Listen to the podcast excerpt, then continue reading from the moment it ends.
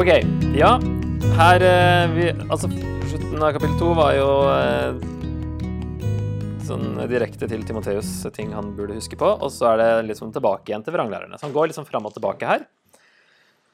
Eh, og så er han litt sånn generell i starten, sånn som han eh, Det ligner jo litt på det første Timoteus 4 eh, var, altså i starten der. Ånden sier med klare ord at i, i de siste tider skal noen falle fra troen. Og så kommer det liksom en liste over, over eh, ting som eh, folk, og spesielt kanskje vranglærerne, vil eh, kunne karakteriseres av. Og så kommer det her eh, Starter litt likt, da. Du skal vite at i de siste dager skal det komme vanskelige tider. Og det er jo siste dager, som sagt. Husker vi når de siste dager begynte? Når Jesus kom første gangen. Så har de siste dager begynt. Så for Paulus òg var det de siste dager. For da skal menneskene være Og så kommer det en lang liste her.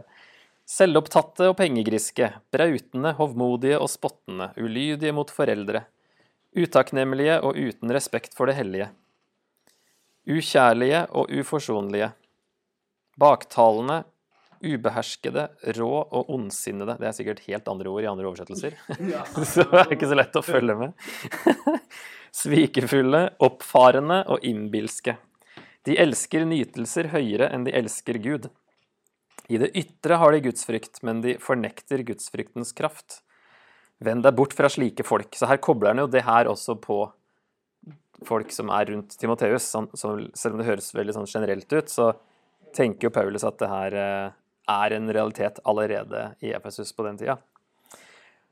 Blant dem er også de som sniker seg inn i hjemmene og får makt over svake kvinner som er nedlesset i synder, slike kvinner som lar seg drive av alle slags begjær, og som stadig får undervisning, men aldri kan lære sannheten å kjenne.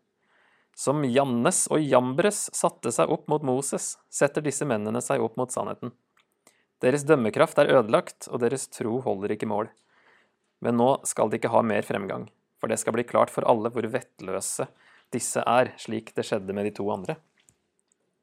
Ok, Så han starter med å si at det her burde jo ikke komme som noen overraskelse da, på Timoteus, at uh, det er vanskelige tider. Um, uh, ja, det er en link her til 1. Tim 4.1. Altså, han hadde jo sagt det der også. Ja. sånn sett så er det i hvert fall ikke noen overraskelse. Han sa det i forrige brev. Men, uh, men det er jo noe som de sikkert har snakka om flere ganger òg. Og som Jesus advarte mot. At falske Messiaser, falske profeter, falske lærere, de kommer til å komme. Og hadde jo kommet da på nytestamentlig tid også. Eh, og så sier han at de har gudsfrykt i det ytre, men fornekter gudsfryktens kraft. Det høres jo ut, ut med en sånn slags tom religion. da. At det er, i det ytre så ser det ut som man er veldig gudfryktig, men så er det Man fornekter liksom at det har noe kraft. At det er noe i det. Det er en fin fasade, men ikke noe liv, kanskje vi kan si. Og som sagt så er 1-5, vers 1-5 delvis knytta til vranglærerne, men det blir enda tydeligere fra vers 6 til 9. Da. Um, og så har vi sett i første Timoteus at det var noen problemer med kvinner, spesielt de yngre enkene. Og han sier her at disse kvinnene forstår aldri evangeliet. De får stadig undervisning, men lærer, kan aldri eh, lære sannheten å kjenne disse kvinnene som disse vranglærerne spesielt får makt over. Hvem var Jannes og Jambres, da? Er det noen som har sjekka ut det? Og det er Fra jødisk tradisjon så er det navnet på de her magikerne eller trollmennene ja, i andre Mosebok 7-9 som, som gjør noen av de samme miraklene som Moses. Og siden han kobler sammen vranglærerne med de der to, Um, nå skal de ikke ha mer fremgang. Altså, først så sier han som Janus Jambrus satte seg opp mot Moses, setter disse mennene seg opp mot sannheten. Deres dømmekraft er ødelagt, deres tro holder ikke mål. Men nå skal de ikke ha mer fremgang. For det skal bli klart for alle hvor vetteløse, står det her. Så kanskje noe annet i andre oversettelser.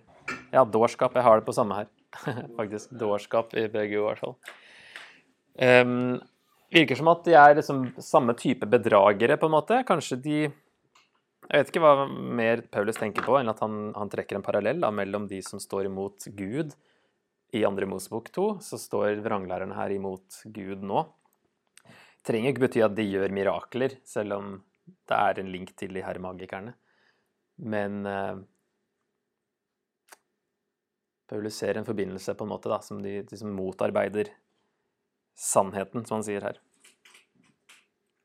Så det var første delen av kapittel tre. Og så eh, går han eh, over til eh, Timoteus igjen. Men du Fin veksling her. Og det kan vi kalle den andre oppfordringen til lojalitet og utholdenhet. Eh, men du, i vers 10, viser jo at Timoteus da igjen skal være en kontrast til det som ble beskrevet i vers 1-9. Vranglærerne der. Men du har fulgt meg i lære og livsførsel, i holdning, tro, tålmodighet, kjærlighet, utholdenhet og i forfølgelser og lidelser, slikt som jeg ble utsatt for i Antiokia, Ikonium og Lystra. Og det var jo Lystra Timoteus var fra. Hvor mange forfølgelser jeg enn har måttet tåle, har Herren reddet meg ut av dem alle. Alle som vil leve et gudfryktig liv i Kristus Jesus, skal bli forfulgt. Men onde mennesker og svindlere vil gå fra vondt til verre. Der kommer det en menn igjen, og så er han litt over på å snakke om de andre igjen. De fører vill og blir selv ført vill. Men du, i vers 14, tilbake til Timoteus. Du skal holde fast på det du har lært og er blitt overbevist om. Du vet jo hvem du har lært det av. Helt fra du var et lite barn, har du kjent de hellige skriftene, de som kan gi deg visdom til frelse ved troen på Kristus Jesus. Hver bok i Skriften er innblåst av Gud og nyttig til opplæring, tilrettevisning, veiledning og oppdragelse i rettferd.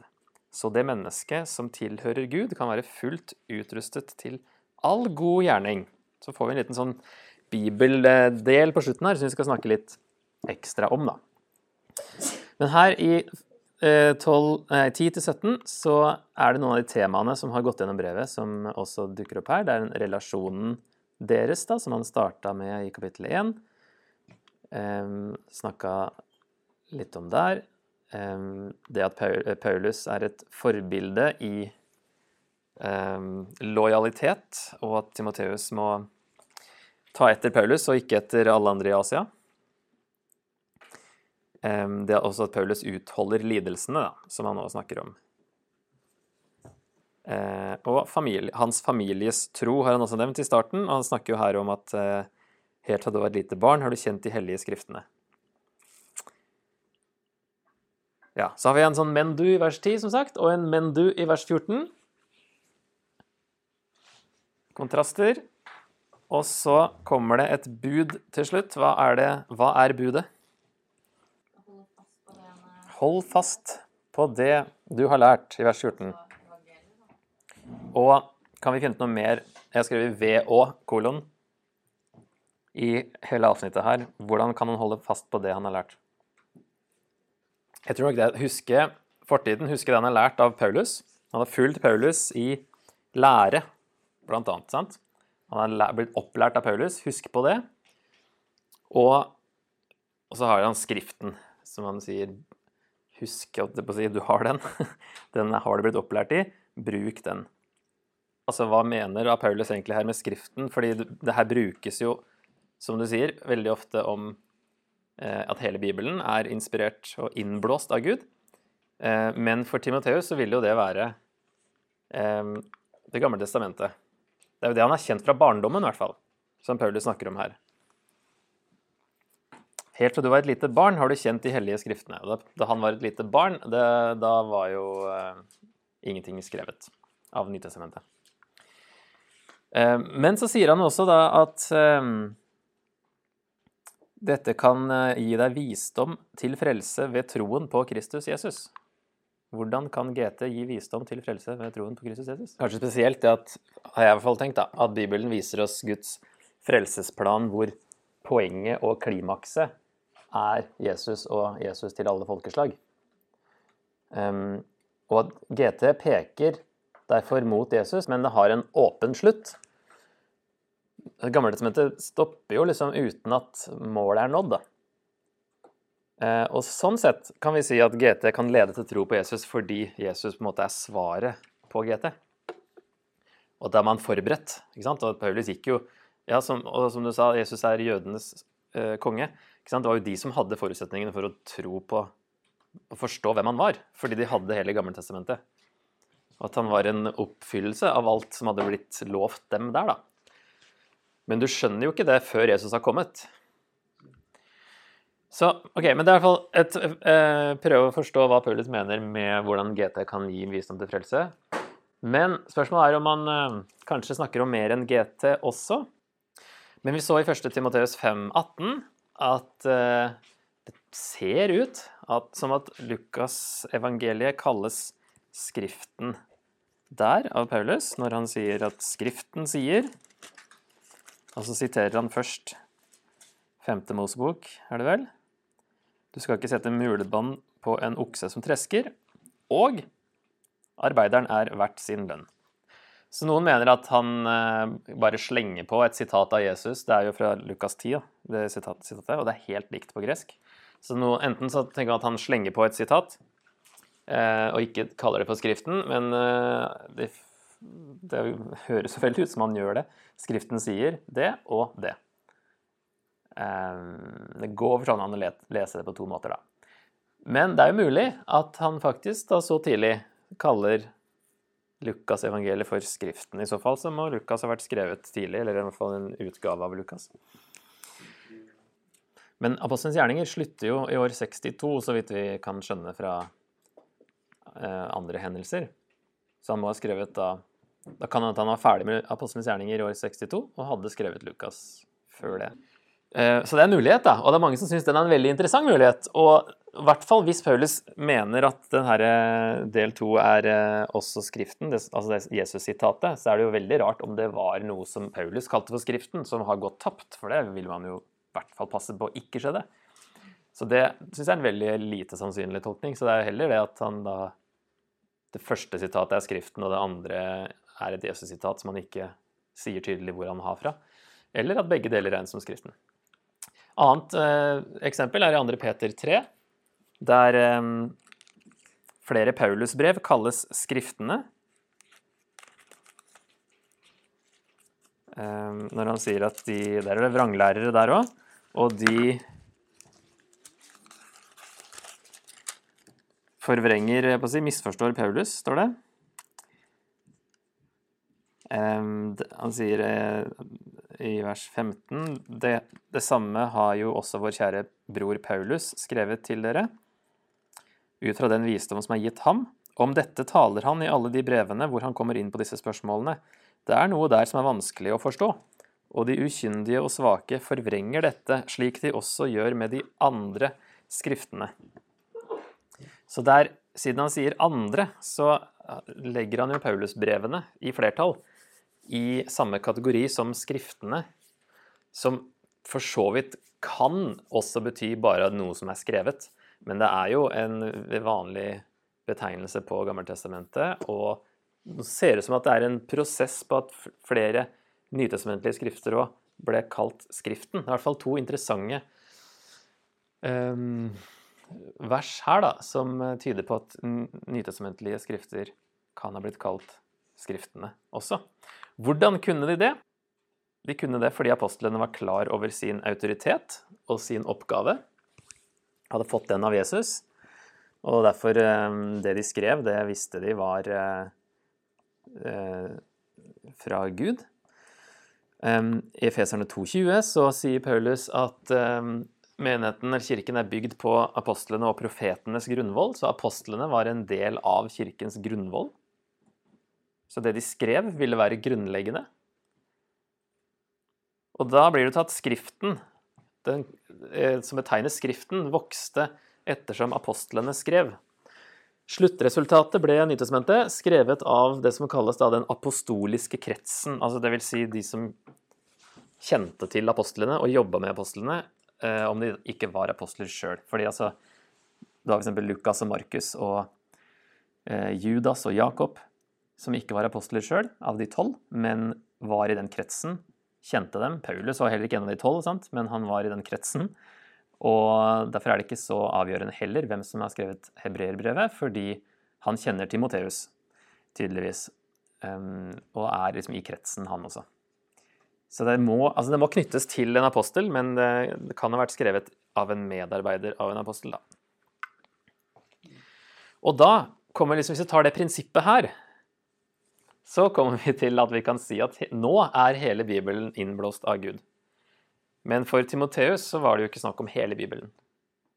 Men eh, hvis Gamletestamentet er liksom greit, eh, og så ser vi hvordan apostlene refererer til noen av sine egne skrifter som Skriften, og hvordan de fikk den spesielle oppgaven, så man da kan dra den litt lenger, da.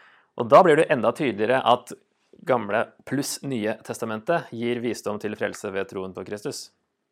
Og det at Bibelen skaper tro når den leses, er jo også et viktig poeng. Ok, Men dette her med innblåst, da. Hver bok i Skriften er innblåst av Gud. Hva betyr innblåst? Det greske ordet er rett og slett gudblåst. Theopneustos. Det er et ord som bare brukes her. Eh, og på latin, hvis du oversetter til latin, så blir det på en måte inspirert av Gud. For inspirert handler jo om, egentlig om pust. Sant? Altså, Det ordet her handler om å, blåse. Gudblåst er det greske ordet som Paulus bruker. Også når det oversettes til latin, så får du ordet 'inspirare' eller et eller annet, som er latin. ikke sant? Som handler om å blåse og puste. Eh, respirator, ikke sant? Da har du jo samme roten der inne. Som, som noe som hjelper deg å puste. Så det er at, Når vi snakker om at Bibelen er inspirert, så er det egentlig fordi den er gudblåst. Gud har blåst på Bibelen, inn i Bibelen. Så som sagt, ordet brukes bare her. Nå ser dere kanskje ikke det som står nederst. Men vi vet i hvert fall at Gud blåser andre steder også. Når det er første gang Gud blåser? Vær så god. Så gøy med sånne reaksjoner. Yes! Der blåser Gud sin pust. Sant? Blåser inn i eh, liv inn i Adam, og Adam blir en levende sjel. Sant? En gang i Nytestamentet, da, da Gud blåser Eller eh, det høres ut som Gud blåser. På pinsedag. Yes, dere er flinke. Wow. Så jeg skrev Første Mosebok 2.7 og Apostelens gjerninger 2.2. Eh, hva står det der, da? Toto står det mm, Plutselig lød det fra himmelen som når en kraftig vind blåser. Og vind er jo samme ordet som pust og ånd. På gresk og latin. Eh, unnskyld, hebraisk. så pust er lik ånd. Når Gud blåser, så skjer det ting. Ånde på norsk. Så det, og Derfor ordspillet i Johannes 3 til Nikodemus om at eh, ånden eh, er som vinden. håper jeg. Du ser Altså Ingen vet hvor ånd Ja, født av, ja Jesus lager et, eh, en kobling der mellom vind og ånd, fordi det er samme ordet. Vinden blåser dit den vil. Du hører den suser, men du vet ikke hvor den kommer fra, og hvor den farer hen. Slik er det med hver av den som er født av ånden. Så det er et ordspill som ikke helt eh, kommer fram på norsk, da, med vind og ånd. Og pust. Her står det i fotnotene. Både gresk og hebraisk har samme ord for vind, pust og ånd. Så tre ord som er på forskjellig på norsk og engelsk osv., er ett ord på både gresk og hebraisk. Ok, Og så er det jo veldig vanskelig Du kan ikke snakke uten å puste. Har du prøvd det? Du får ikke sagt veldig mye, i hvert fall, uten å puste. Du må jo ha det luft som kommer ut. Og Derfor er det en veldig sånn logisk sammenheng mellom pust og ånd og ord også, egentlig. Eh, for å konkludere med Guds ånd er i Bibelen. Han blåser liv inn i ordene. På en måte blir da ordene hans egne ord. Selv om det var andre som skrev dem, så har Gud blåst liv inn i dem. Og en sammenheng mellom eh, ånd og blåse og puste og da til å snakke. Så får du på en måte en sammenheng der med Guds ord, eh, og at han har blåst liv inn i det. Så eh, straks pause, ser jeg. Vi tar litt videre på det her hva betyr innblåst av Gud. Altså på hvilken måte da kan vi si at menneskets ord også er Guds ord? altså mennesk, menneskers ord, de som skrev det her, um, så er jo poenget ikke prosessen, hvordan det skjedde. For det, der har vi forskjellige teorier. Uh, altså, noen mener det var et diktat, andre mener at det er usannsynlig fordi du ser at de skriver på forskjellig måte, med forskjellig vokabular. Jeg tror ikke det var et diktat, men at de fikk bruke, bruke seg sjøl når de skriver. Uh, og heller ikke nødvendigvis det at Paulus liksom får tanker hele tida som han skriver med egne ord. Men resultatet er, er hovedpoenget, da. At Guds ånd er i Skriften. På en eller annen måte ble Bibelen slik Gud ville det, kan man jo oppsummere det som. Vi vet ikke helt hvordan det gikk for seg, men Gud ville at det skulle være sånn, og han har blåst sin ånd inn i, i Bibelen. Og da kan vi si at Bibelen virker på oss når vi leser den, fordi Gud har blåst sin ånd inn i den. Så punkt D er da spørsmålet hvordan virker Gud gjennom Bibelen? Som vi har sett at eh, vi kan konkludere med at han gjør hvis Hans ånd er i Bibelen, og når Gud blåser, så skjer det noe. Da blir det liv. ja. Tenkte ikke på det det er da jeg sa det, men jeg hørte det etterpå. og da sier jo Paulus her, da, at uh, hver bok i Skriften er innblåst av Gud og nyttig til opplæring, er det første han sier. Og opplæring står kanskje noe annet i andre oversettelser. Lærdom, ja. Det er jo det greske ordet didaskalia, som har med didaktikk å gjøre, som har med læring å gjøre. da. Teaching står det på engelsk. Um, og vi har sett at i første og andre Timoteus så nevnes den sunne lære ofte som en kontrast til vranglære. Sånn at uh, når Paulus sier det her til Timoteus, så er oppgaven til Timoteus da å bruke Skriften til å gi sunn teologisk opplæring i evangeliet. Og det er jo en selvfølge at det er Bibelen som gir oss den rette læren, men kan vi understreke. Den kommer derfra, derfor er det viktig å studere Bibelen. Så i møte med vranglære så er selvfølgelig Bibelen eh, viktig å bruke. For Timoteus så ville det være viktig å um, bli minna på det. Og så neste han sier, er altså tilrettevisning at Skriften er nyttig til tilrettevisning. Og vi har jo spesielt kanskje i første Timoteus sett at vranglærerne har misbrukt Skriftene, misbrukt Moseloven spesielt. Bruker den feil, som vi så. Og at Timoteus da bør bruke Skriften for å, for å avsløre dem. Så etter man liksom på en måte Ja, Bibelen gir oss en rette lære, og så må bruke Bibelen til å vise til rette, da. Eller overbevise. Og så er Skriften også nyttig til veiledning. Litt sånn uklart kanskje hva det betyr, men noe lignende tilrettevisning, men kanskje mer etisk, er et forslag. Og noe lignende oppdragelse i rettferd, altså oppdragelse og veiledning, er kanskje synonymer. Sånn at vi kan veilede andre ved hjelp av Bibelen. Men da blir det jo Gud for så vidt som oppdrar. Veiledning fordi Bibelen viser oss Guds plan og vilje. Så det er litt sånn, de glir nok litt i, over i hverandre, mange av de ordene her, da. Men at Paulus sier i hvert fall at Skriften er nyttig til mye.